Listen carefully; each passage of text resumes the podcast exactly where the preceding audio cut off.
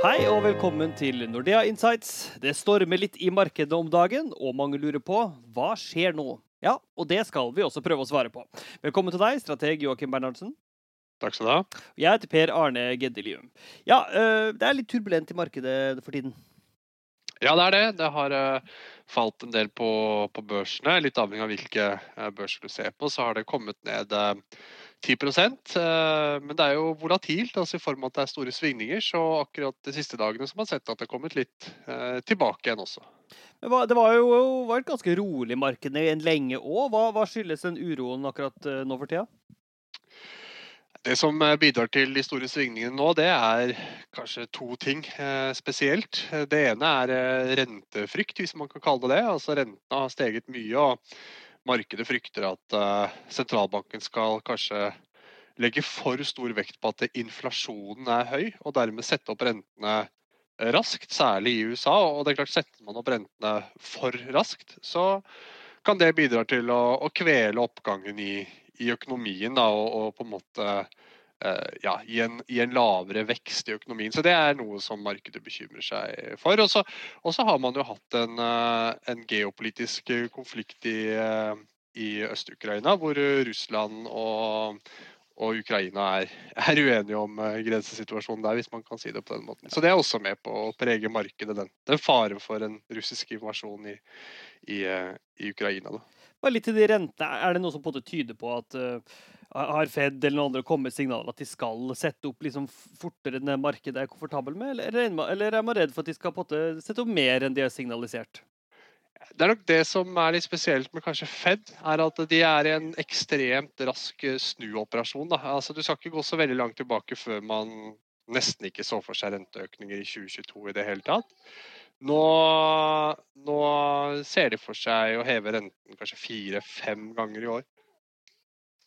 Eh, så det er, eh, det er, en veldig rask snuoperasjon. og Markedet har selvsagt kommet etter, men det blir mye informasjon for markedet å svelge på kort tid, og da, da blir det turbulent. da. Ja, bare det ser deg, Vi er jo mennesker, vi òg, så vi har en, eh, vi har en koronakarantene-strateg her. og Derfor er det en liten sånn baby du kanskje hører i bakgrunnen, men den er altså den er altså en del av, av bakgrunnen her. Så det er greit. Men um, Nordea slapp jo nettopp et nytt markedssyn. Og dere har god tro på markedet tross denne uroen?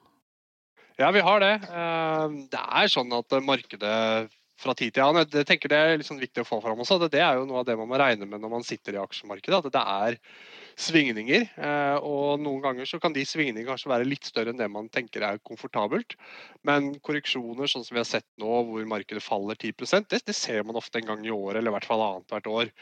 Så, så det er ikke så unormalt i seg selv. Og så må man spørre seg selv om er dette en en eh, kjøpsmulighet? Eh, tror vi markedet overreagerer på den informasjonen som har kommet, eller er det begynnelsen på et større fall? Og og vi, eh, vi, heller jo mer i den første retningen, at dette er nok noe som kommer til å reversere seg i løpet av de neste månedene. Så når vi slapp vårt nye markedssyn nå, så kommuniserer vi et positivt syn på aksjemarkedet. Og vi er faktisk såpass liksom, optimistiske at vi, vi, mener at man kanskje i hvert fall den nærmeste tiden skal ha enda litt høyere eksponering mot aksjer enn det man så for seg uh, før denne korreksjonen. Mm. Nettopp for å hente liksom, det, det, det comebacket som, som, vi tror kommer i markedet i løpet av de neste månedene. Den gjeninnhentingen. Men hvorfor tror du markedet er på en måte så underliggende solid at det, at det ser bra ut fremover? da? Det handler jo om at mange av de tingene som lå der i utgangspunktet, som gjorde at vi var optimistiske på, på aksjemarkedet, de, de, er ikke nevneverdig endret som følge av den korreksjonen som vi har hatt den siste tiden. Det er fortsatt gode inntjeningsutsikter blant, eh, blant selskapene som er notert på de globale børsene. Så det vil gi god uh, medvind til aksjer, og vi tror inntjeningen også kommer til å komme inn, komme inn sterkere enn det uh, analytikeren og, og, markedet på en måte legger til grunn i dag. Da. Og så er det jo sånn at renten rentene har kommet opp, og det er klart uh, det har vært lett å forsvare høy verdsettelse av aksjer når rentene har vært veldig lave. Og, grunnen til det er jo at du er, villig til å betale mer for aksjer når avkastningen du kan få andre steder er, er dårlig.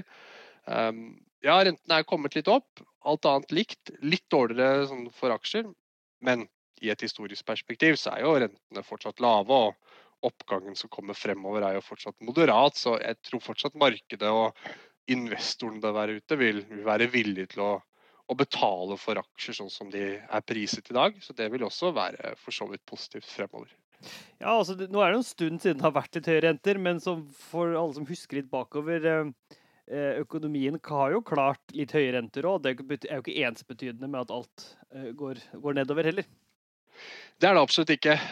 Men det er jo liksom en realitet at man i takt med at rentene har falt, så, så, har jo også økonomien og aksjemarkedet for å si det på den måten, tilpasset seg lave renter. Så mm.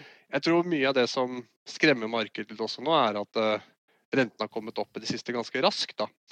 Eh, så det er kanskje mer farten eh, på den renteoppgangen som har vært i det siste, enn nivået i seg selv. altså Kanskje det viktigste renten, tiårs amerikansk statsrente, den er nå 1,75. Altså det er, ikke, det er ikke veldig høyt i en historisk sammenheng, men den kom fra veldig lave nivåer. Og når oppgangen er rask, så blir det mye å, å svelge for markedet. Da. Eh, og man trenger litt tid på å fordøye dette, og da blir det uro. Men nå er i stor grad den renteoppgangen som vi har hatt da de siste par-tre månedene, den, den er, er, fordøyd i markedet.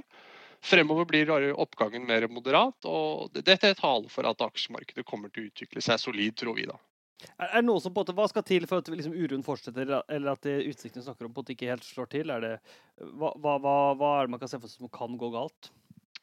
Nei, det er flere ting som kan gå galt. og Det er viktig å presisere at når vi nå legger fram markedssyn og sier at nå mener vi at vi skal ha enda litt høyere eksponering mot aksjer, så, så er ikke det det samme som sier at vi tror dette snur i, i dag eller i morgen nødvendigvis. Nå har det kommet litt tilbake den siste tiden. men det er fortsatt usikkerhet. Det kan komme nøkkeltall som gjør at markedet, eller som gjør at Fed blir mer bekymret for høy inflasjon. Og, og da trekker kanskje markedet igjen liksom slutningen at det her skal rentene settes opp enda raskere. Så man skal være forsiktig med å, å prøve å time dette for, for nøye. Da. Men, eh, så, så, all sånn info som gjør at uh, markedet blir mer nervøse for raskere renteoppgang, det, det, vil bidra til usikkerhet. Og så er det jo en joker, hele den der konflikten i Øst-Ukraina. da, mm. altså sånn Geopolitisk uro pleier ikke å ha langvarige effekter på markedet, men, men det skaper støy akkurat når det står på. da. Er det noen regioner på å ta litt mer tro på eller mindre tro på fremover? Vi har tro på USA som, eh, som, region. Det er jo en region hvor det har vært veldig eh, bra vekst, og vi tror på bra vekst fremover også. Det kommer til å materialisere seg i god vekst for selskapenes inntjening. Så, så USA anbefaler vi å ha også litt høyere eksponering mot i dette markedssynet som du nevnte. Og så er vi litt mer negative til Europa. Det er ikke noe for, for, så vidt gode utsikter for Europa også, men det er noe med disse gamle tingene som pleier å hjemsøke Europa. Det er lavere vekstevne. Eh, rentene er riktignok veldig, veldig lave, men det er jo et symptom på, på svak vekst i utgangspunktet. Mm. Eh, så, så, det tilter oss litt i retning av USA fremfor Europa. Har du noen anbefalinger til de som hører på, litt sånn med tanke på at det er litt uro i markedene? Jeg tror bare den siste tidens utvikling viser hvor vanskelig det er å time denne type markedsbevegelser. I, løpet av, I løpet av kort tid så var markedet ned 10% og så plutselig så snudde det, og nå er markedet opp 5% fra, fra bunnen, sånn litt avhengig av hvilke indekser du ser på. Da.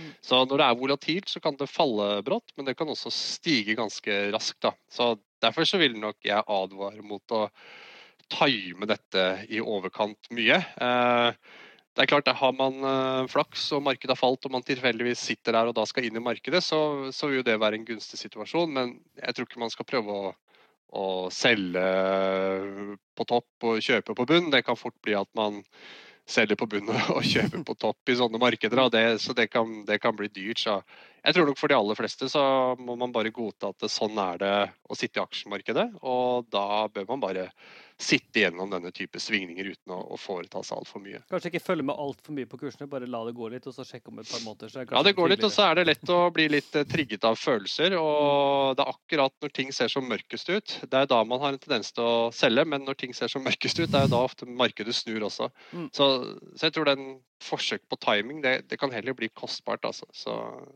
så, for de aller fleste så er det nok det beste å, å sitte igjennom. Takk skal du ha, Joakim. Jo, takk skal du ha. Og tusen takk til deg som hørte på, og så hjertelig velkommen tilbake ved neste anledning.